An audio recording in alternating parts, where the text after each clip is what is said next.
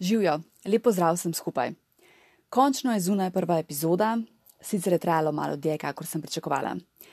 Žalost ni tako lahko dobiti govorce za podcast, zato sem se odločila, da delim svojo objavo na LinkedIn, da se mi gosti sami javijo.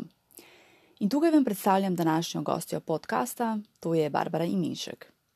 Barbara mi je pisala na LinkedIn in zelo hitro sva se dogovorili za snemanje in res je prijetna sogovornica. Barbara je zanimiva ženska, veliko stvari je počela v življenju, veliko ovir je dala skozi, mogoče še celo več kot je minila, vendar je šla skozi vse to. Je strokovnjakina za LinkedIn, podjetjem pomaga zgraditi znamko, ima šolo LinkedIna in še mnogo več. Pogovoru nam poda informacije, zakaj biti prisoten na LinkedInu in kako se tega lotiti. Zato vas vabim, da prisluhnete zanimivemu pogovoru z Barbaro. Tebi, Barbara, se pa res še enkrat zahvaljujem za sodelovanje in da si bila moja prva gostja. V čast mi je bilo. Vi, dragi moji, poživajte v poslušanju in verjamem, da boste nekaj novega izvedeli. Pa gremo. Barbara, živijo, Živijo. kako si? Ej, super, ful lep sončen dan, gled, Ja, ja, prav primerno za najnčvek. Tako je. Ok, da se na prvo malo predstavi, povej, kdo si pa kaj počneš. Uh, jaz sem Barbara Imenšek, uh, imam več kot 20 let izkušenj v različnih vlogah v marketingu, mednarodnem marketingu, oglaševalskih agencijah. Uh, zadnja tri leta sem se pa posvetila izključno LinkedInu, kjer posameznikom, podjetjem, uh, profesionalcem pomagam, da s pravilno uporabo LinkedIna dosežejo svoje cilje. Wow, ful zanimivo. Ja. Okay, boš kaj povedala o svojem otroštvu, recimo, kje si odraščala, kakšno otroštvo si imela, te kje zaznamoval? Puh, v bistvu jaz imam eno zanimivo a, stvar, ker se polovico mojega otroštva ne spomnim. Uh. Vem o njemu samo po pripovedovanjih, kar pa se tisto ful spomnim, je pa, da sem, odrašč, da sem dosti časa, ka to je moj spomin, ni bilo dejansko stanje, preživela pri uh, Omi v Rogaški Slatini. Ki je imela kmetijo, kjer je bilo ogromno zelenja, kjer je bilo dosti živalc. Tako da to je tista stvar, ki se jo ful spomnim. In pa uh, morja, ko smo bili otroci, ko so bile šolske počitnice, jaz sem namreč iz Pirana, da smo, ne vem, mislim, ob 8 zjutraj šli na plažo in da so nas ob 9 zvečer starši mogli priti iskat, da smo uh, šli domov. Tako da to so tisti spomini na otroštvo, ki jih ki so wow. Ne? Zakaj pa misliš, da se recimo ne spomniš te polovice drugega otroštva? Pa, glej, v bistvu ne vem točno. Aha, ker jaz recimo tudi, jaz se ful stvari ne spomnim. Recimo. Jaz imam to zanimivo stvar, recimo, da se je sočasno dogajalo. Jaz sem precej otroštva pri obeh babicah preživela, moja starša sta namreč delala v gostinstvu. In, to, in takrat ni bilo varušk in to, moji so bili na obali. Uh, vsi starši, mislim, stari starši so bili v rogaški, pa v štorah, ne? in sem bila dosti pri njih. In recimo spomnim se vsega, kar se je dogajalo pri babici v rogaški, nič pa kar se je v štorah, pa je to bilo sočasno. Jaz sem recimo vmeš šla en teden na počitnice v rogaško, tisto se vse spomnim, ostalega pa ne. Wow. Tako da to je še en, to je en izziv, no, ki ga še imam, da ne da ugotovim, zakaj, ampak da razrešim to situacijo, Ja, ker ja. mislim, da je precej stvari, ki so me kasneje ovirale, izhaja iz tam. Sigurno je. Ja. V redu, greva se malo na profesionalno pot odločiti. Se pravi, kako se je začela tvoja poslovna pot in zakaj si se odločila potem za ta poklic? V bistvu čisto po naključju. Uh -huh. uh, jaz sem, uh, ko, sem bila sta, ko sem bila v prvem letniku faksa, mi je oče umrl uh -huh. in to je bil en full šok za me. Uh, in takrat sem ponavljala letnik. In študij je takrat omogočal, da si lahko upisal proti plačilu višji letnik, medtem ko si bil v nižjem letniku upisan. In sem jaz tako delala potem skozi naprej, kar je pomenilo, ko sem prišla v drugi letnik, redno, sem imela narejenih že pol izpitov za tretji letnik. Ne? In mi je full časa ostajalo, zato sem začela delati. Najprej sem začela delati v raziskovalni uh, dejavnosti, na Medijani pa na AGB-u, uh, na kar sem šla na uh, Simobil, na današnji A1, mm. uh, kjer, ki je bila tudi moja prva redna zaposlitev. In sem delala tudi pripravništvo. In recimo, čeprav sem vedno govorila, jaz ne bom nikoli učila, jaz nisem oseba, ki bi znala. Ne, uh, je bilo zdaj zanimivo, ko se spomnim, da je bila moja pripravniška naloga priprava priročnika za novo zaposlene. Oh, ne. wow. Tako da to, ampak uh, ful hitro sem usvojila, ker pač je bilo omejeno. Uh, število ali pa obseg nalog, ki smo jih delali, mi je ratalo dolg čas. Ne? In jaz sem potem tisto mojo nalogo naredila v, enem, eh, v eni uri, ne? in pol je bilo treba še 7 ur preživeti. Ne? In je rekel kolega, hej, uh, mi pa rabimo v marketingu nekoga. No? In sem prišla čisto tako, padla sem dobesedno v marketing ene multinacionalke, ki je aktivna na področju blaga široke potrošnje. In uh, sem postala asistentka, zadolžena za področje bivše Jugoslavije in vzhodne Evrope. In potem tam naprej sem pač napredovala do, uh, tak, tam je bil kategorij marketing manager, v bistvu ene vrste marketing managerja za vzhodno Evropo, za določene blagovne znamke. Ne. In na ta način sem pristala v marketingu. Ne, ful dobro, uh, pol smo postali del EU-ja. In ker so bili naši direktori večinoma ekspati, je za njih Slovenija postala draga, ker so pač se prispevki oziroma dajatve izenačile ne? in so sedež podjetja uh, preselili v Zagreb. In takrat je pač pri nas ekipa razpadla. In sem šla uh, na Emono obalo, kjer sem bila vodja razvoja novih programov in trgov. Ne? Ampak očitno imam neko srečo, res srečo v navednicah, zato ker tudi po enem letu. Uh, je to podjetje se soočalo z likvidnostnimi težavami ne, in sem tudi tle po enem letu sodelovanja zaključila in začela svojo samostojno pot. Uh, kot svetovalka za dermokozmetično firmo iz Tojine, na kar pa so me kontaktirali iz podjetja Studio Marketing, J. Walter Thompson, to je oglaševalska agencija, in sem prešla k njim. Ne, to je bilo že v sklopu moje samostojne poti, Tam sem bila zadolžena za uh, mednarodne naročnike, spet za področje bivše Jugoslavije, kjer smo upravljali njihove oglaševalske kampanje, nove kampanje, snovali in to, uh, ne vem, Bayer, Mazda, uh, Ferrero, da ga imajo vsi radi. Yeah. Uh, to, potem Fruktal, Špar, uh, Mercator, Triglav, kar nekaj naročnikov je bilo, no, tako da za njih sem delala. Uh, in to nadaljevala, zamenjala agencijo, šla v drugo ne, in na koncu se odločila, da grem čisto samostojno nadaljevati. Uh, delala na koncu za podjetje, slovensko podjetje, proizvodne, ki je imelo full velik potencial, ampak ga žal ni videlo. Ne, in v eni fazi sem ugotovila, da pač to ni več to. Zaradi tega, ker ko si ti v nekem ustroju noter, uh, so pomembne samo številke. Uh, in nimaš tistega zadoščenja. Veš, ko ti vidiš, da je naštev, mislim, ko dobiš bilanco, pa ugotoviš, da je cilj dosežen, ne, ja, pač to je to. Ne. Je čisto drugo, kot če ti pomagaš osebi, pa je uh, tista čustvena komponenta, not pa vidiš, ko oseba nekako uspe in to. Ne. Tako da sem se odločila, da. Je dovolj tega, da ni nujno, če si v nečem dober, pa če nekaj obvladaš, da je to tudi tisto, kar te izpopolnjuje. In sem zaprla mojo firmo, dala odpoved strankom in si prvo šla en dolgi sabatikal, kot rečejo angliži, američani, avstralci, ne? in šla dejansko se izobraževati. Ful. Sem ogromno vlagala vase, v izobraževanje, v iskanje same sebe. Dokler tam približno tri leta nazaj, eden od mojih mentorjev reče, da pač zdaj pa ne, ne povemo naš elevator pitch, ne? Kao, da se v 30 sekundah predstavimo. In tle je nastal problem. Ne, ker je pač bilo, uh, moja znanja so bila tako široka, da dejansko jaz nisem znala v 30 sekundah povedati, kaj lahko nekomu pomagam. Ne. Sem pa vedno bila oseba, do katere so ljudje prišli, ko niso vedeli, kako naprej. Ne. In to je pol bil tudi povod za nastanek moje firme, kako naprej. Ne. Ampak, ker nisem vedela, kaj početi, sem v bistvu šla na LinkedIn in sem rekla, ok, bom začela s tem, da svoj profil tam uredim. Ne? In ko sem prišla tja, sem začela raziskovati, ne? sem gotovila, da pač jaz sem leta 2008 pristopila k LinkedInu in kaj sem naredila, to, kar večina, skupirala sem svoj CV gor, nisem ga niti opremila, niti nič. Uh, tako da. Uh, V bistvu sem potem ugotovila, kakšne so možnosti, ki jih ta platforma omogoča. In uh, Uh, bolj ko sem delala, uh, bolj sem bila navdušena nad njim. Uh, začela sem se izobraževati v Ameriki, začela sem se izobraževati tako, da sem sodelovala z HR agencijami, da so mi povedali, kaj oni iščejo, kaj je pomembno, kako pravilno CV spisati, zato ker pač mi smo, vsaj jaz sem CV pisala, ono pač delala sem to, delala sem ono, konec ne, da bi kakšne dosežke izpostavljala, kaj takega, to ni bilo v mojem uh, tem polju zaznavanja. Ne.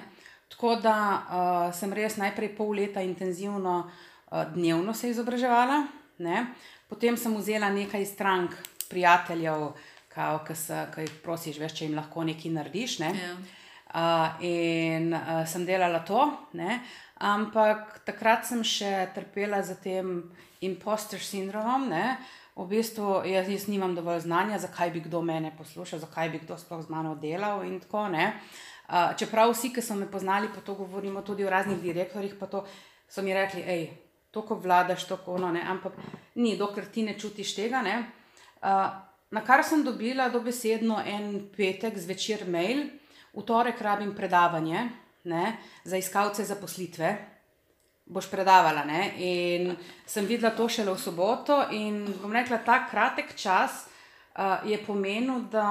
Um, nisem imela časa, da grem v preveliko analiziranje in kompliciranje. Ne? In takrat sem se spomnila tudi enega mojega najljubših citatov od Lauren Langmajer. Ne? Ona je napisala knjigo Yes Energy in ona tam pravi: Say yes now, then figure out how. Ne? Torej, reči zdaj ja in potem ugotovi kako. In jaz sem rekla: Ok, gremo. Ne? In to je pomenilo, da je bilo treba do torka pripraviti za 4-urno predavanje in prezentacijo in vse ampak je šlo in tako dejansko sem prišla v svet, kjer sem začela predavati in učiti LinkedIn. Ja, ko si v neki prisiljen, dejansko ja. narediš to. Ja. Ja. Kako izgleda tvoj delovni dan, se pravi, da vstajaš? O, jaz se zbujam tam med 5 in 6 uro, to je že moj normalen bioritem. In uh, kar je zelo dobro, zato ker imam tudi kakšne stranke iz Avstralije. Aha. In recimo, ko je tle peta ura, je pri njih ne vem, dve, tri popovdne, tako da je glih nek uh, še normalen delovnik, pa njih, da lahko kaj naredimo. Uh, ko vstanem, uh, je najprej kava, uh, potem pa grem na računalnik, da pogledam, kaj je bilo, uh, pogledam na LinkedIn, kaj se je zgodilo, uh, kje je kaj všečkam, ampak samo preverim. Pa počakam, zato ker trenutno na LinkedIn objavljam slovenščini, da pride 8 ura, ki je tista ura, ko so ljudje uh, že v službi. Zato ker za LinkedIn uh, uh, loviš delovnik na nek način. Ne? Ni pravilo, je pa pač pogledaš, da je tvoja ciljna skupina prisotna. Ne? In meni je trenutno to Slovenija. Uh, zato gledam, da sem tam med 8 in 6 uro aktivna. Ne? In pol pripravim, če bom kjer objavo bom dala, če je slučajno uh, se kaj zgodilo takega, da lahko na to navežeš. Ne? Sicer imam objave, nekatere planirane že naprej, ampak še vseeno gledaš, kaj so aktualne stvari, ki so se dogajale, tako ne, da potem prilagodiš potem malce uh, odgovorim na maile, uh, potem imam navadno kakšno uh, izobraževanje. Jaz se dnevno izobražujem, ne? tako da trenutno recimo, sem v dveh coaching programih. Eden je pri Meku Etramu, ki je namenjen zgolj uh, širitvi posla in pridobivanju novih strank, drugi je pa pri Meloni Dodaro, ki je pa dejansko namenjen za LinkedIn, ne? za social selling. Tako da to sta trenutno dva coacha, s katerimi delam aktivno. Uh, In to ogromno pregledam na LinkedIn Learningu. LinkedIn Learning je za tiste, ki imajo katerikoli plačljivi program, izredno dober vir kakovostnih predavanj. Ne, tako da se ga zelo splača izkoristiti. Uh, to, potem grem ali grem k kakšni stranki, so telefonski pogovori, ne, uh, potem te osebe, s katerimi delam, uh, grem pogledat na njihove profile, kaj delajo, kaj so, zato ker uh, moj način dela je zelo oseben. Ne? Tudi, ko, ko mi končamo neko sodelovanje, ne vem, ali so bili pri meni na mali šoli LinkedIn ali kaj tako, uh, jaz ne neham potem uh, sodelovati z njimi, oziroma nisem ure in ure z njimi, ampak pogledam vsake tok časa, vsaj enkrat teden njihov profil in jim dam feedback, gledaj, to, uno, tretje, ne? to je super, tle lahko izboljšaš na take stvari. Uh, tako da to. Uh, pol, kadar so normalne razmere, recimo včeraj sem imela to srečo, da sem bila fizično z eno stranko, tako da to je res zdaj nekaj tako, ja, ne? Uh, tako dobrega, se mi zdi. Ne? In sva bile obe tako vesele in naredile sva vse in še več, kar sva planirale. Ne? Pa pa tako, jaz uh, imam neko željo, oziroma moja smer, cilj je to, da delam 4 ure dnevno v povprečju. In glede na to, da zgodaj ostajam. Priznam, da ogromno časa zabluzim tudi vmes, ne? ker tudi ko se izobražujem, jaz bi lahko od petih do devetih imela vse narejeno, ne? ampak ne, ker pol zraven še kaj pogledaš pa na internetu. Pa tako, no? uh, tle priznam, to je moja slabost. Uh, če bi si optimizirala čas, bi, šla, bi bila zelo bolj, bi imela še več časa. No? Uh, tako da pol pa nekako že končam moj delovni dan, je pa res, da vedno pol še zvečer pogledam uh, preden, grem, preden zaprem računalnik. Ne, to je lahko vem, ob sedmih, osmih, če so kakšni novi maili za odgovoriti, sploh zato, ker delam v različnih časovnih mm, yeah. pasovih. Ne, in to, uh, to je trenutno, je pa v pripravi. Uh, Tudi moja Facebook uh, grupa in page, pripravljam spletno stran in mednarodno spletno izobraževalno platformo, uh, tako da se bo malo spremenil v prihodnosti ta delovnik. Uh, pa dejansko tudi širim ekipo. Ne. Eno osebo trenutno izobražujem prav za LinkedIn, da bo uh, lahko prevzela določena predavanja, pa delo s strankami ena na ena, ker seveda dan ima toliko ur, toliko je tvoj potencial. Uh, potem imam uh, oblikovalko, ki bo zdaj začela poenotiti vse stvari, da bomo res gledali tako, kot je potrebno, ne? ker ne morem jaz iz marketinga biti kovačeva kobila. Uh, in to, tako da bom rekla, po mojem, tam od aprila naprej bomo malo drugače delali. No? Ampak bomo videli, ko bomo prišli do tja. Kaj pa delaš recimo v tem umestnem času? Oh, glede na to, da sem na obali, sem ogromno od zunaj, uh mhm. -huh. obožujem sprehode, uh -huh. uh, imam mojega psa, uh, kljub vsemu imam precej družena s prijatelji, ne? ali po telefonu, ali po zumu, ali pa direktno. Uh, tako da to uh, berem ogromno. Ne? Ma, glej, se najde. Uh, rišem, ustvarjam. Tako da. Um, Super. Kaj bi delala, če recimo ne bi delala to, kar počneš? Imáš kakšno idejo, ali ti je to to? ne, zdaj v bistvu tle sem se našla, ne? tako da nimam, uh, nimam neke ideje, kaj bi delala. Je pa res, da sem že delala marsikaj. Sem del, mm. Začela sem v gostinstvu kot preko študenta, uh -huh. tam sem delala full let in recimo to je tudi ena stvar, glede na to, da rada delam z ljudmi, ki mi ne bi bil problem, ne, če bi lahko delala v šanku. Ne bi pa stregla, zato ker sem ja, pripričana, ja, ja. da bi komu zlila vse tako v naročje in ja, ja. to ni uh, to. Ne. Mislim, nimam problema s tem, kaj bi delala, če bi. Če to ne bi počela. Ne. Sem bila tudi nekaj časa na zavodu prijavljena, no. priznam, tam so me pošiljali na najbolj izvirna delovna mesta, tudi za pomočnico, uh, kaj je že vzgojiteljica v vrtu, uh, pa za uh, delo v računovodskem servisu, to mi še zdaj ni jasno, zakaj. Uh, no, priznam, to nisem imela želja, ampak recimo v gostinstvu, turizem mi ne bi bil problem uh, iti delati. Ne? Je pa stvar v tem, da jaz rabim izzive. Uh -huh. tisto, tisto je delo, ki bi ga mogoče upravljala ker bi ga morala za neko obdobje, ampak bi tako iskala naprej. Kaj, kaj si pa študirala? Politologijo, mednarodne odnose. Ne? Ampak to je bilo, to je bilo zanimivo. Ne? Jaz sem si odnegdaj želela delati v mednarodnem okolju in takrat, ko sem se odločila za študij, je pač to bil edini program, ki je imel mednarodni mhm. noter. Yeah. Ja, ja. Pa imela sem predstavo v sebi, da nisem tip za ekonomijo, ne? ker sem to povezovala z matematiko, ne pa z logiko. Yeah, ja, yeah. In potem sem postala, sem pač pristala na mednarodnih odnosih. da... Danes bi šla kaj drugega študirati? Veš, da nimam pojma. No, Resnično ne vem, kaj mm. bi. Ne? Ja, ja. Tako danes si hodil nek marketing, pa to študirati, ja. ampak marketing je postal nekaj tako res. Um, najbolj mi je hecno, ko kdo reče, uh, se ukvarjam z marketingom. Ne? Ko sem jaz začela, je bil marketing 4P, uh, je bil marketing razdeljen na oglaševanje na televiziji, uh, zelo malo je bilo printa. Ne? Uh, Pa v trgovinskih letakih, pa take stvari, ne? to je bil marketing. Zdaj pa je marketing, ne vem, vsaka digitalna platforma ima uh, svojo sfero marketinga. Ne?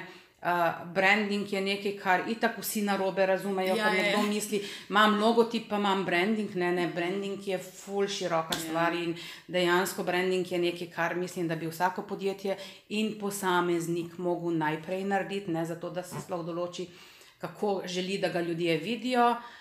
To, uh, tako da mi je zanimivo, no, ko rečejo marketing, uh, študirajo ali pa ne vem, tudi digitalni marketing. Ne. Ja, vse moraš vedeti. Jaz tudi poznam druge platforme in njihovo delovanje. Ampak zato, da lahko primerjam z LinkedInom, kaj so razlike in podobno. Uh, čeprav uh, vodim določene uh, Facebook profile, ne bi nikoli imela neke obraza, da pa razpišem predavanje za Aha. Facebook. Ne?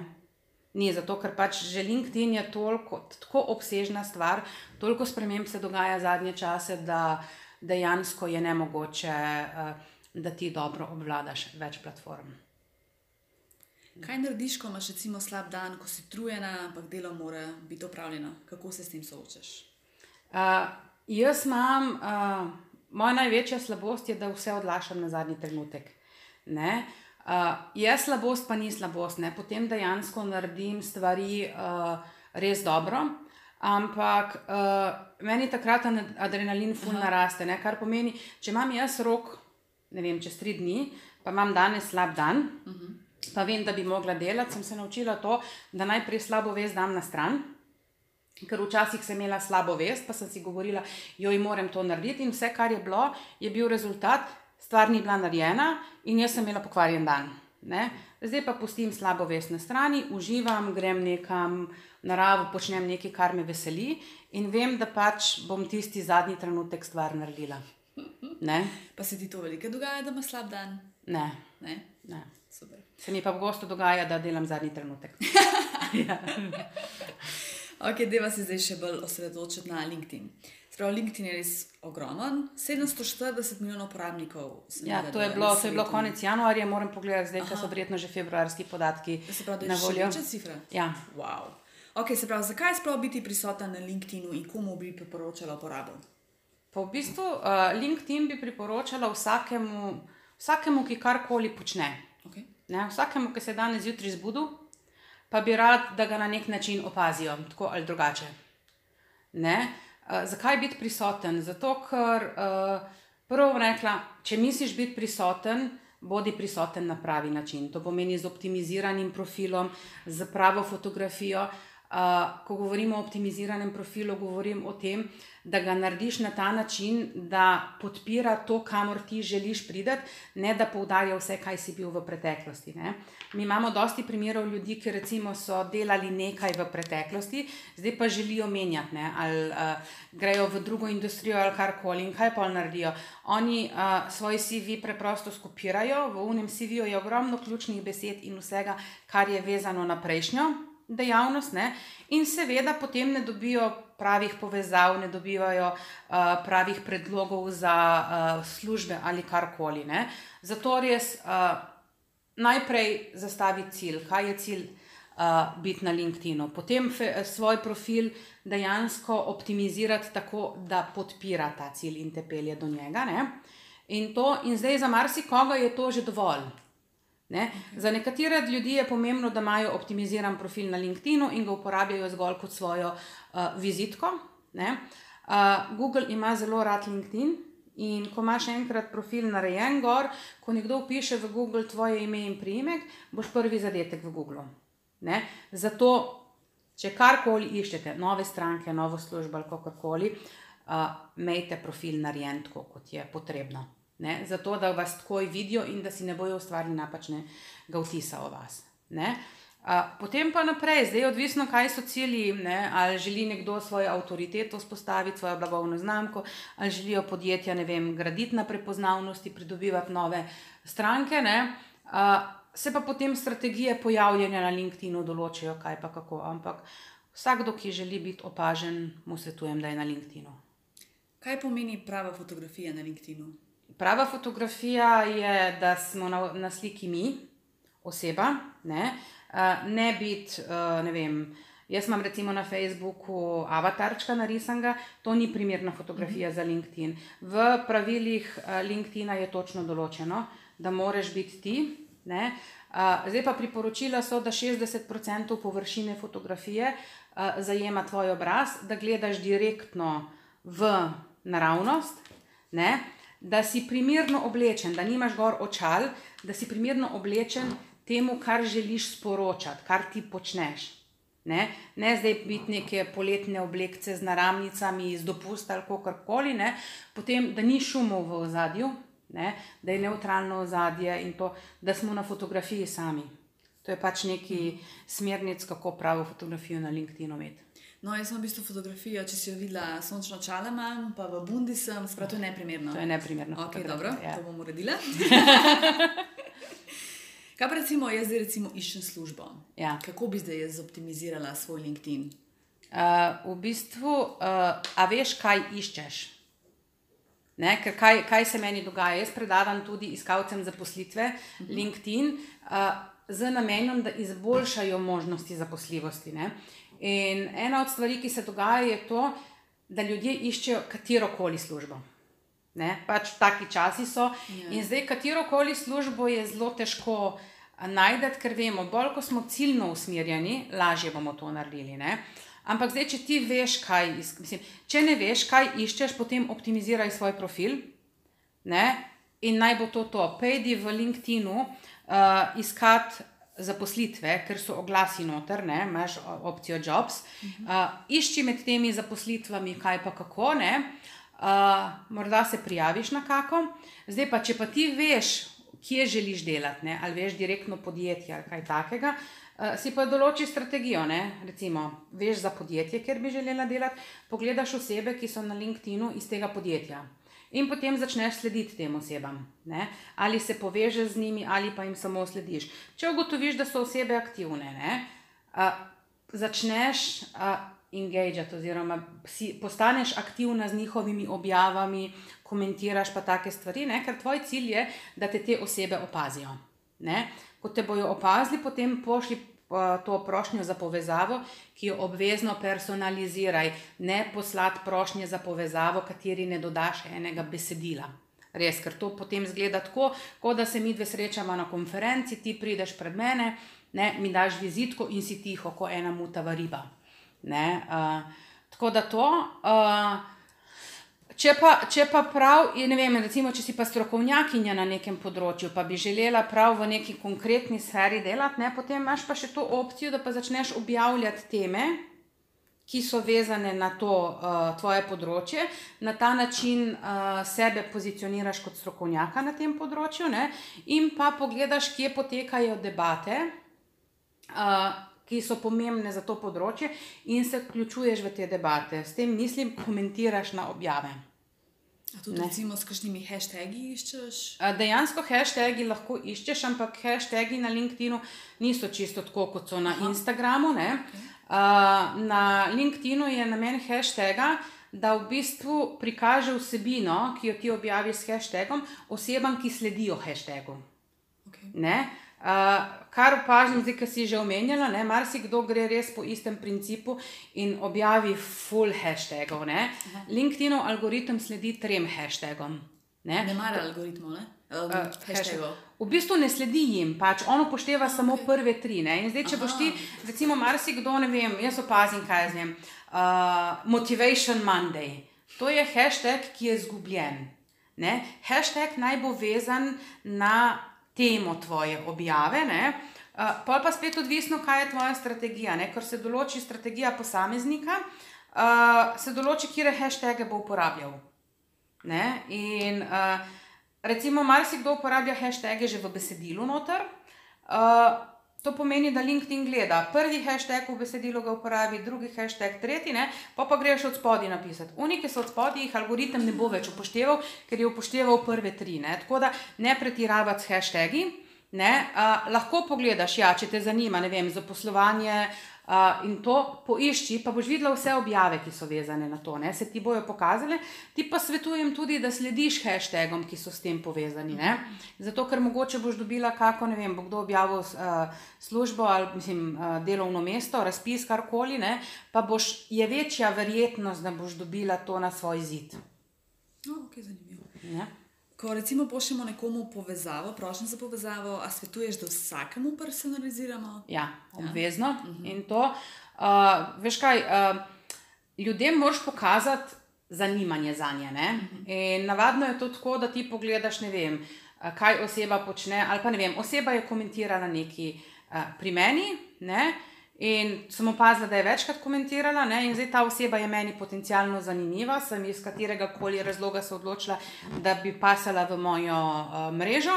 Ne? In jim pošljem, ne vem, pozdravljeni, sem opazila to, to, to, veselilo bi me, da se povežemo. Ali pa ne vem, sem gledala uh, Glih Laura Langmajer, ki sem jo prej omenila, ne? moja ena od super avtoric. Uh, jaz sem to njeno knjigo, imam v audio obliki, tako da jo fulkrat poslušam tudi, ko se vozim. Uh, Uh, in sem jo najdla na LinkedIn in točno to sem ji napisala, ne, da sem pač fenica, da je to moj najljubši citat. Ne, in imamo občasne debate, ne, recimo je to en, ena povezava in sem skozi knjigo dejansko si odprla.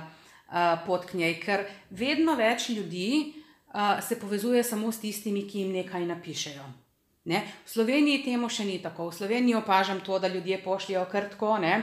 In to uh, jaz načeloma, če ne gre za osebe, ki so bile na mojem predavanju ali pa na kaki, uh, ne vem, tako da, da vem, kam jih locirati, ne sprejemam povezav brez, uh, brez tega spremnega besedila. Uh, obvezno pa vsakemu, ki ga sprejmem, pošljem odgovor, ker se mu zahvalim za povezavo, ga pozdravim v moji mreži ne?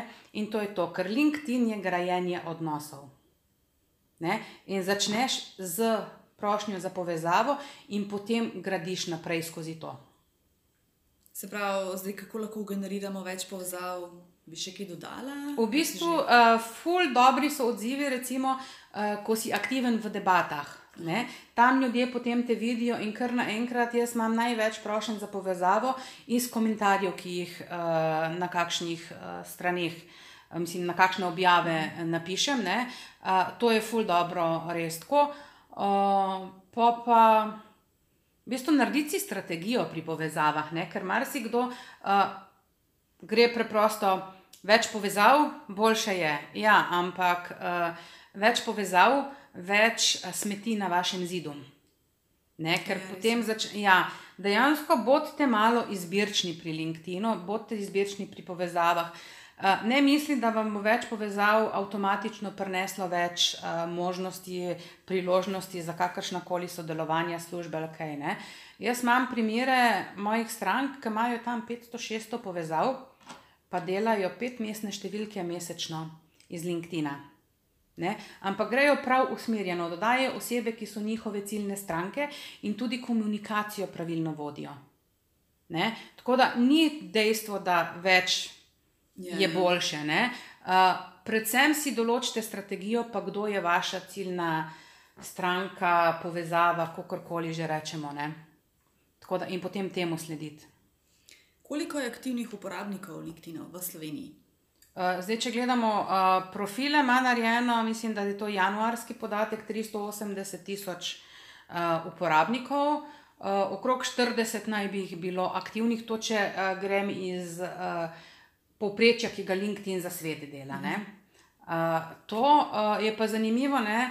Uh, ta drugi koronski val, naš drugi. Uh, lockdown je nekaj mogel narediti na LinkedIn-u, ker mi smo od lani do letos imeli vsega skupaj okrog 30 tisoč novo upisanih na LinkedIn-u v Sloveniji, ne? samo iz oktobra na november jih je bilo 11 tisoč. Ja, no, ja, to, to je en tak res zanimiv, no, bum se naredil. No, to se v bistvu tudi se malo vezuje. Se pravi, kakšni so trendi v zadnjih letih, pa če se zaradi epidemije kaj spremenili? V bistvu uh, ljudje so več na LinkedIn-u, to se je spremenilo, uh, več je tudi teh uh, poskusov prevare, tega prej recimo na LinkedIn-u ni bilo, uh, kot ti razni, uh, ne vem, te kontaktirajo razni. Z možnostmi sodelovanja. Jaz imam jih en članek tudi na to temo, ker me so me decembra iz Warren Buffett Foundation uh, kontaktirali za, za možnost, da bi mi dodelili sredstva za karkoli že. Uh, In to, in ker pač mi je bilo jasno, kaj je v zadju, sem se to šla, ker me je zanimalo, kako se bo zgodba razpletla. No, no. To, tako da tega opažanja je vedno več, tudi te moje stranke, pa udeleženci mojih predavanj pišejo, da precej tega dobivajo. Ne? Tako da to je ena stvar, ampak to je normalno, tega imamo recimo na Facebooku ogromno, sigurno je vsak od nas dobil od nekega uh, prošnjo za povezavo od nekega udovca, v, od kakega vojaka v Afganistanu, Iraku, kjerkoli. Yeah, yeah. uh, tako da zdaj se to pojavlja tudi uh, tle, ampak so pa bolj sofisticirani, ne? so neke fundacije, kao v zadju, pa na ta način. Tako da dosti je tega, pa predvsej je tudi. Uh, Poskusu osebnega navezovanja stikov, to pomeni pač, kako si mi všeč in podobno.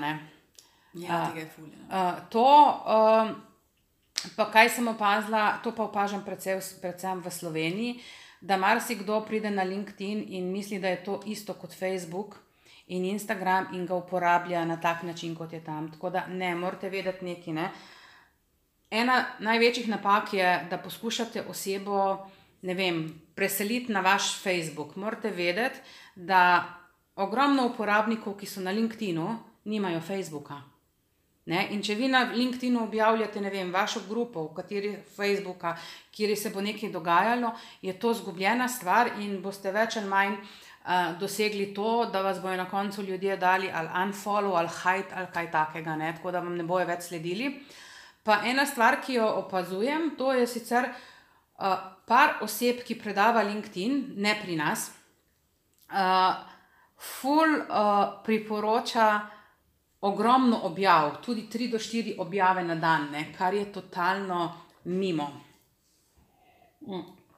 Na LinkedInu morate vedeti, da je objava, da ima generično, recimo, neko življenjsko dobo vsaj 24 ur, lahko ima tudi več. Ne. Tako da uh, po podatkih uh, ene od uh, analiz, ki so jo naredili nedavno, so tisti, ki dva do trikrat na teden objavljajo, dobijo najboljši engagement na objave. Ne. Tako da ne pretiravati.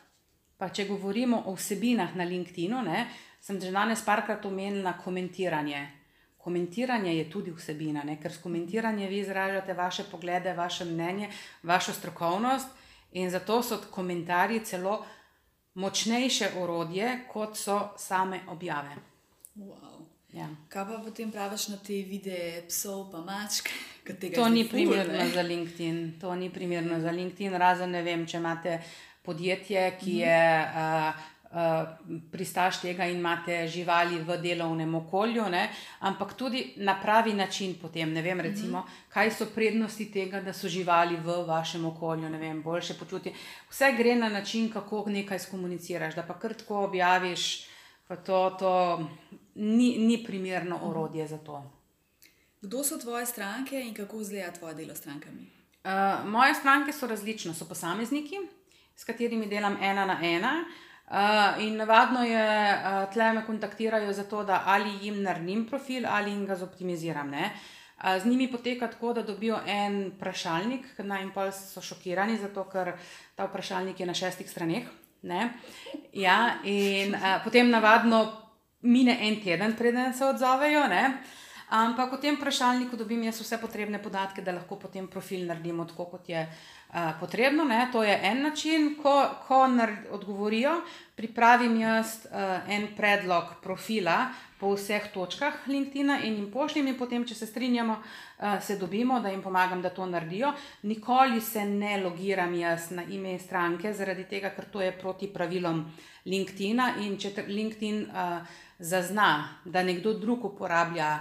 Eh, podatke za, od enega drugega profila, bo, bloki, bo zbrisal oba profila. Tako da tega ne počenjati. Ne. Uh, Potem imam uh, izobraževanje, imam malo šolo LinkedIn, ki dejansko tudi samo na priporočilo pridajo k meni. Ne. Ko oseba izrazi interes, je najprej en pogovor z osebo, da mi pove, kaj so njeni cilji, ker ni nujno, da lahko pomagam osebi. Pa iskreno povedano, ni nujno, da smo si energijsko kompatibilni. Ne? So že bili primeri, recimo, ko sem se odločila, da ne bom osebe imela, ker pač se nisva ujele. Uh, to, no, tle je pa potem, uh, v bistvu imamo šest srečanj preko Zuma, zdaj, nažalost, ja. ne, uh, kjer gremo v po korakih, od začetka, kako profil ustvarimo, kako si cilje naredimo, in vse do tega, da na koncu naredimo 12-tedenski plan aktivnosti na LinkedIn-u, uh, in temu sledijo še štirje follow-upi, ki so pa namenjeni izključno temu, da sem jaz tam kot podpora.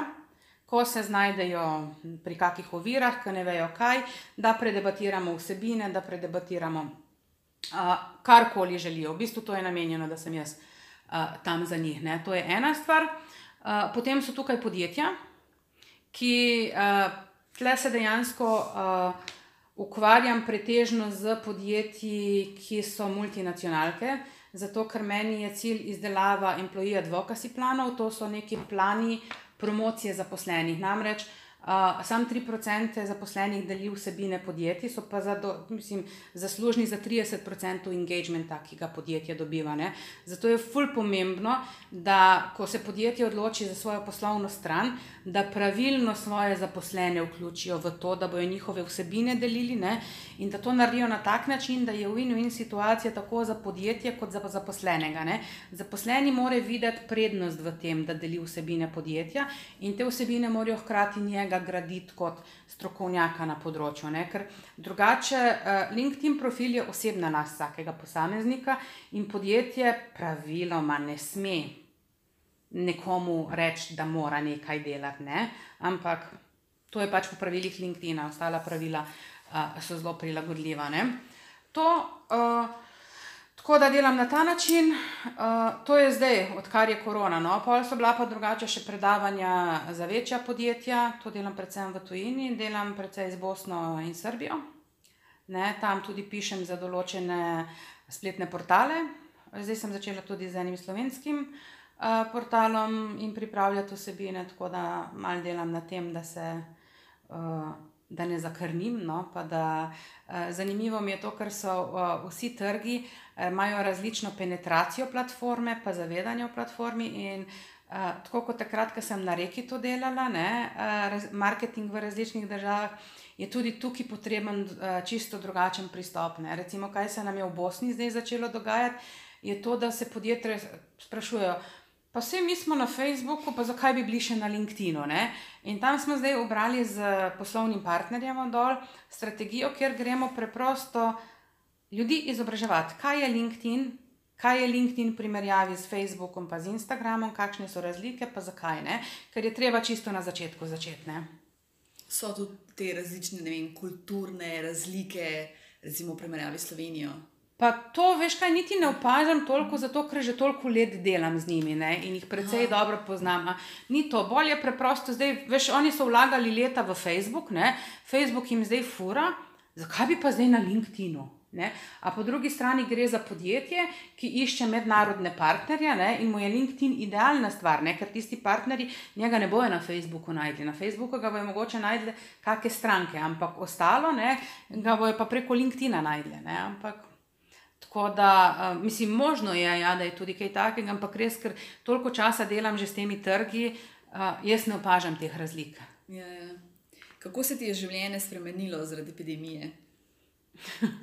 v bistvu uh, na začetku precej frustracije zaradi vseh teh omejitev, pa ne zmožnosti tega, pa unega, predvsem v prvem valu, uh, v drugem valu pa gledaj. Uh, Razen da imamo to masko povsod, kamor gremo, uh, glede na to, da imam firmo, sem izjema, tako da lahko grem skoraj da kamorkoli. Ne, uh, ne vidim neki ful, je pa res, da pogrešam. Uh, Prej smo marsikateri sestanek naredili na kavici od zunaj ne? in smo to rešili, zdaj tega ni. Ne? Neko, neko obdobje smo bili tako omejeni, da tudi če smo šli na sprehod, nismo smeli kave piti zraven. Ne? Tako da uh, bolje je ta občutek, da nekaj ti omejujejo. No, to, to je stvar, ampak da bi pa drugače. Uh, kaj, no, e, ja, kaj, mi bilo, kaj mi je recimo epidemija vzela, je recimo uh, nastop na eni marketinški konferenci. Ne, zato, ker smo je bila v tujini in uh, nismo smeli potovati takrat, ko je to bilo. To. Ampak drugače pa. Ne vem, se mi zdi, da smo že toliko časa v tej epidemiji, da smo že navajeni, ja, da je to, se, mislim, nažalost, je postalo neko normalno stanje in si sploh ne predstavljam več, kako je bilo prej. Gro, groza. Jaz tu ne vem, id v restauracijo, meni je to zdaj tako neki, ki gledam, recimo, kakšne filme. No, ja. Kaj bi delali? Ja. Tako res je ja. noro, ja. Pa kaj si nikoli ne bi predstavljal to. Kakšni so tvoji načrti za prihodnost? V bistvu uh, ta prvi načrt je širitev ekipe zdaj, ne? izobraziti uh, osebo za LinkedIn, imeti zraven uh, mar, osebo, ki bo uh, delala dizajne. Uh, povezujem se z osebo na področju brandinga, z osebo na področju kreiranja vsebin, pa še parih uh, stvari, tako da pač bom imela ekipo, ki bo lahko uh, za LinkedIn ponudila vse. Uh, jaz sicer obvladam branding, ampak nisem toliko več v tem, da bi lahko suvereno rekla, uh, tako, pa tako, pa tako, zato raje najdem strokovnjaka, s katerim bom sodelovala. Tako da to je ena stvar. Uh, pripravljam slovensko spletno stran in pripravljam mednarodno izobraževalno platformo, ki bo v angliškem jeziku. Tam bom uh, imela uh, en predposnet program. Ki ga bomo lahko mhm. imeli, in pa programe, ki jih bom izvajala v živo, na tak način, kot je mala šola LinkedIn v Sloveniji. Ne? Tako da to so, recimo, načrti za leto. Za naprej pa uh, Uh, iskreno ne upam predaleč uh, planirati, ker ne vem. Cilj je dobiti eno dobro pisarno v Ljubljani, uh, zato ker pogrešam delo z ljudmi, pogrešam to, da se lahko usedemo pa brainstormamo, ne sej naredimo to po zumu, pa po telefonu, ampak ni isto, kot ja, ko, če si z nekom pa se pogovarjaš, pa drugače. No? Tako da pač upam, da bo letos tudi pisarna, če, nas, če gre vse lepo naprej. Ja. Kako skrbiš za svoje zdravje? Uh, v bistvu predvsem uh, uh, s tem, da mentalno skrbim, da sem ok. Uh, ostalo, ok, pač naredim tistih 10.000 korakov dnevno. To sem se navadila v drugem mm -hmm. valu epidemije, Super. tako da moram reči, da je to, uh, drugače pa nič kaj posebnega. No, kaj pa prehrana, recimo? Uh, prehrana, kar je to, da sem izločila mlečne izdelke, uh -huh. pa gluten, okay. če se le da. Ne? Zato, ker sem bila podvržena pogostim respiratornim obolenjem in ko niso ugotovili, kaj in kako, uh, sem pač so mi prijatelji, strokovnjaki za prehrano povedali, pač, da mleko je tisto, ki sluzi telo. Ne? Tako da je bil, bilo mleko prvo, ne? Pa pa so mi še rekli, da probi še gluten. No? Tako da zdaj, če se le da, uh, zdaj, če grem na obisk nekam, pa je gluten, tam ne bom delala problemov, ampak ko sama delam, dejansko uh, uporabljam, mislim, se držim tega. Da, ga ne uživam. No. Pa ti je boljše, se res boljše. Ja, počutiš? mislim, veš kaj. Uh, ne opazim, da se boljše počutim, mm. opazim pa to, da ko jem gluten, pa za, uh, zatečem. Ne? Pa ful se mi sluz začenja nabirati. Ne? In kar je zdaj sploh pri teh maskah zanimivo, če jem kaj, kar ima gluten, uh, me ful na kašljanje sili, ko imam masko. Wow, zanimivo. Kaj počneš, ko imaš prosti dan? Ko imam prosti dan. V bistvu, ne vem, no, meni je to, kar jaz počnem, tako veselje, da uh, ma, jaz imam vsak dan prosti dan. Resno. Tako da to sem res vesela, ker me veseli. Veseli me, da uh, me, uh, ko moji, moje stranke, moji udeleženci predavanj uspejo. Ne, uh, Zdaj, mogoče ni primerno vprašanje za ta čas korone. Zato, ker če ne bi jaz naredila tako, da bi delala dva dni na teden, pa tri dni nekam šla na izlet ali pa kaj v tujino. Ne? Mm. Tako da zdaj je dan enak dnevu, če smo iskreni. Uh, Dej me to vprašaj, ko, bo, ko bomo lahko potovali. No, pa, pa si ko... lahko raziskuješ Slovenijo. Ja, ne, jaz sem iz rdečega območja, zdaj veš, jaz sem z obale, ja, okay. tako da uradno ne smem. Jaz sem lahko v Ljubljani, ker imam tle začasno ja, ja. bivališče, ampak drugače pa. Uh, ne, to pa iskreno me grozno, ampak uh, ne da se mi hoditi tako na izlete, pa jo raziskovati. Mene bolj tujina uh, kliče. In prej sem, recimo, uh, ne vem, si vzela vikend, sem šla v London na kavo. In to, ta, ja, tako je bilo dosti časa, kak izlet. Ja, v Italijo, k prijateljici se odpelje z avtom in to. Da, uh, to pogrešam. No, to je, in to bi bili moji prosti dnevi, uh, fotografija, uh, potem mogoče uh, eden izmed mojih hobijev je ustvarjanje uh, energijskih slik. Ne? Takrat moram biti uh, čista in vse tako. Da, uh, kadar to počnem, imam kar par prostih dni, zato je, ker ko padem v tisti ustvarjalni flow, dejansko pozabim na čas. Kaj to sploh pomeni? To pomeni, da preprosto se povežeš, kaj jaz vem. Jaz začnem ustvarjati. Kako? Uh, rišem na akrilne eh, z akrilom, okay. uh, pa razne materijale, kristale uporabljam pri tem in potem pridajo. Uh, na, največkrat je kaj iz področja svete geometrije ne, uh, in pridajo na koncu ven slike, ki pa jih potem podarjam. Podarjaš. Ja. Wow. Ampak so pa energijske zelo močne, tako da uh mhm. -huh. to povejo osebe same, no, ko jih dobijo. To mi moš pokazati, kaj me zanima. Ja. kaj bi svetovala mladim? Pa kaj nekomu, ki se odpravlja na svojo podjetniško pot? Uh, da v bistvu začnejo, ne, uh mhm. -huh. tudi če niso pripravljeni, uh, sam začnite, uh, pa ne poslušati, kaj si drugi mislijo. Ne, mnenje drugih ni pomembno, zato ker noben ni na vaši poti ne, in vi veste, zakaj in kako. Uh, pa ne pustiti, da vas mnenje drugih oblikuje. Uh, ohranite svojo avtentičnost. Vedno so ljudje, ne glede na to, kakšni smo, uh, ki so primerni za delati z nami, bomo jih dobili kot stranke, uh, delodajalce, karkoli. Uh, in usmerite se v iskanje tistega, ne pa vse, kar bi lahko bilo narobe ali pa ne bi šlo skozi. Ja, več pozitivne. Ja. Imáš kakšne cilje, pa sanje, ki še niso izpolnjeni? Kaj, v Ameriki še nisem bila, evo. To je pač moj cilj. Kakšna določena destinacija? Ma, veš, kaj, ful se spreminja. Ne? Ful časa mi je bil New York, Ja. potem, recimo, ko sem bila več v fotografiji, mi je, so mi bili parki tisti, cilj pa ne vem, včeraj sem gledala eno serijo, slučajno zvečer, mi je Aljaska tista, ki me privlači, tako da, ampak ja, Havaji, eh, plavanje z delfini pa to. Tako da ne vem, jaz mislim, da ko bo prišel čas, ko se bo to odprlo, pa se bom odpravila, bom vzela si kak mesec ali pa dva, pa bom šla na par stvari. No. Tako Ja, da- itak, ja. Uh, Imaš kakšno knjigo ali pa film, da bi priporočala? V bistvu uh, Joseph Murphy, Moč vaše podzavesti. Okay. To je moja D knjiga, ki je čisto ofucana in je z mano že toliko časa. In je zanimivo, da pač, ko začutim, da jo potrebujem, jo nekje odprem in sporočilo čisto druge, uh, drugače dojemam. Ne? Potem pač je ta Laura Langmajer, je- Langmajer Yes Energy.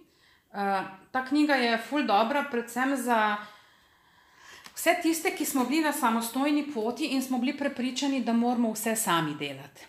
Ne, namreč, uh, ko gre nekdo na samostojno pot, je in marketing, in prodaja, in vsebine, in vse. Ne? In kaj se pa zgodi? Namesto da nekomu plačaš, da ti uh, ne vem, naredi spletno stran v WordPressu, ne? greš pa se učiš WordPressa. Če ti ta čas uporabiš za to, da eno stranko obdelaš, nekomu hkrati daš. Uh, uh, da ti naredi stran, ne, kaj se zgodi? Najprej tri osebe imajo posel, ne, ti, oseba, ki uh, je tvoja stranka, pa oseba, ki ti dela stran, ne, pa ti se res posvečaš temu, v čemer si dober.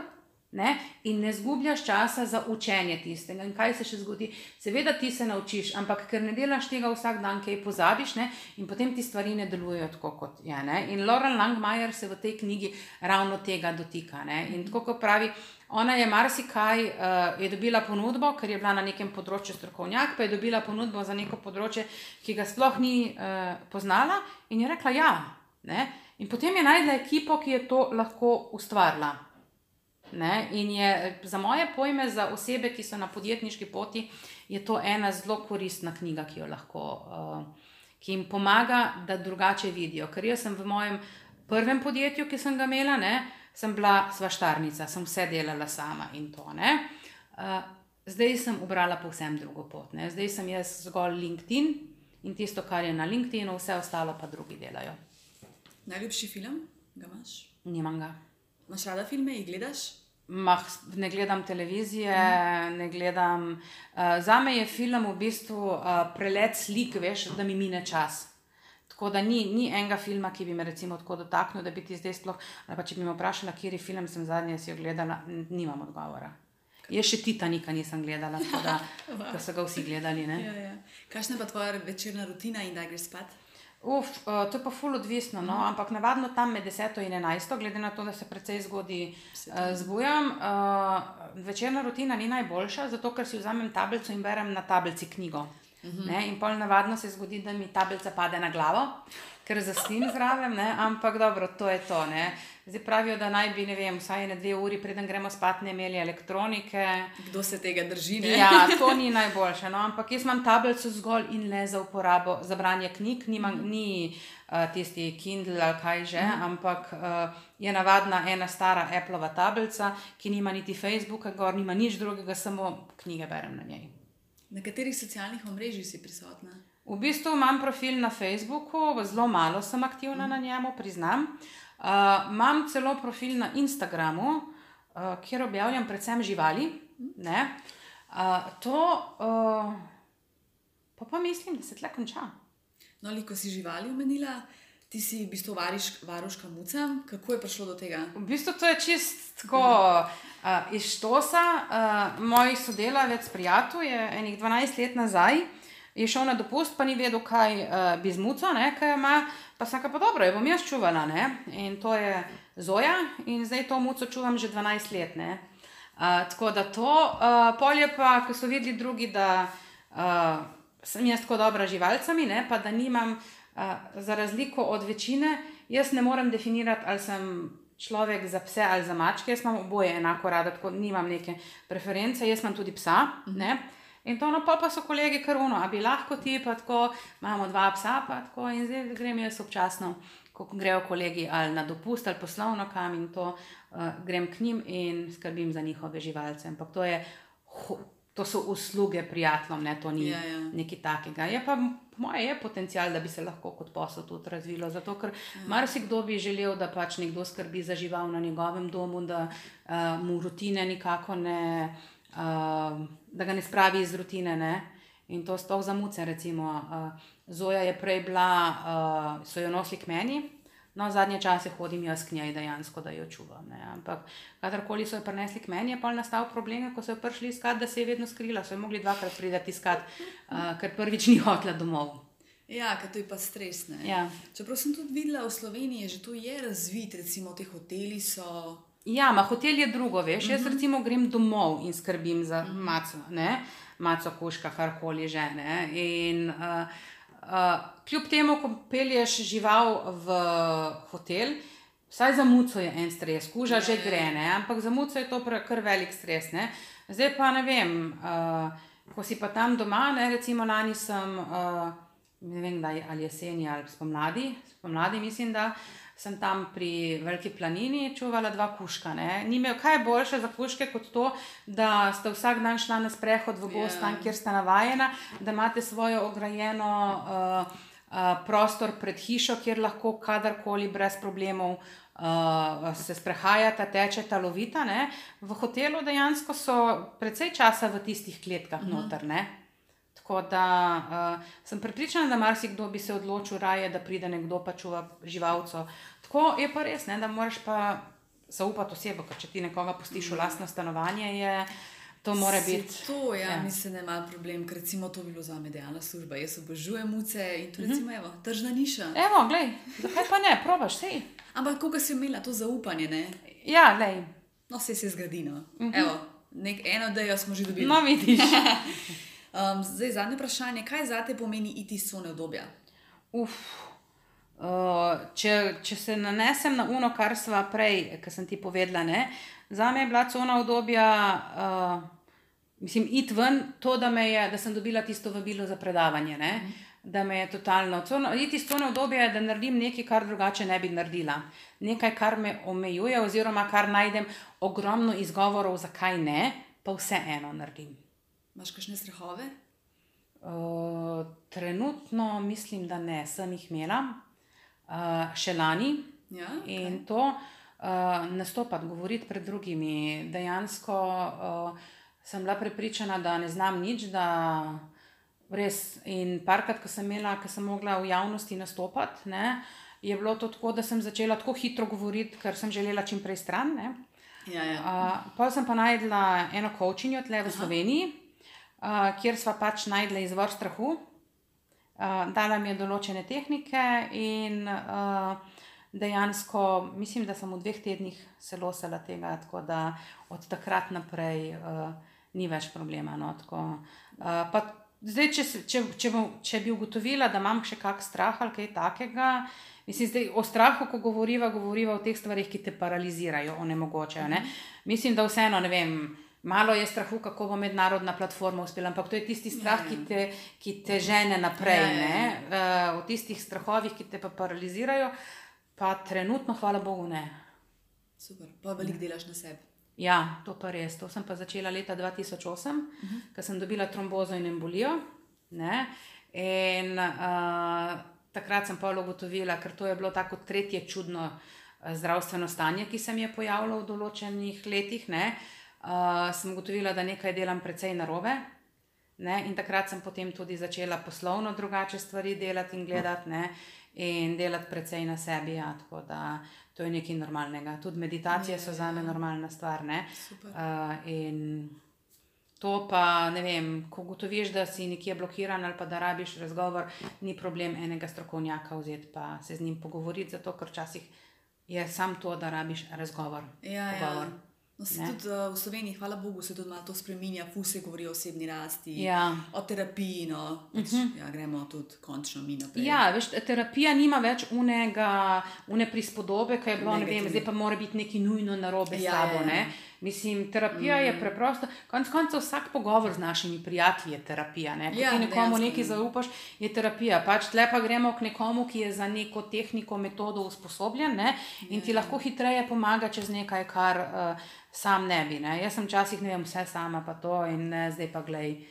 Ko, ko ugotoviš, da ti nekdo lahko v eni seansi, ker dejansko medve z Natašo sva to naredila v eni seansi, ugotovila izvor mojega strahu, dala mi je uh, pač te vaje, da jih delam in razrešila, mislim, tako da.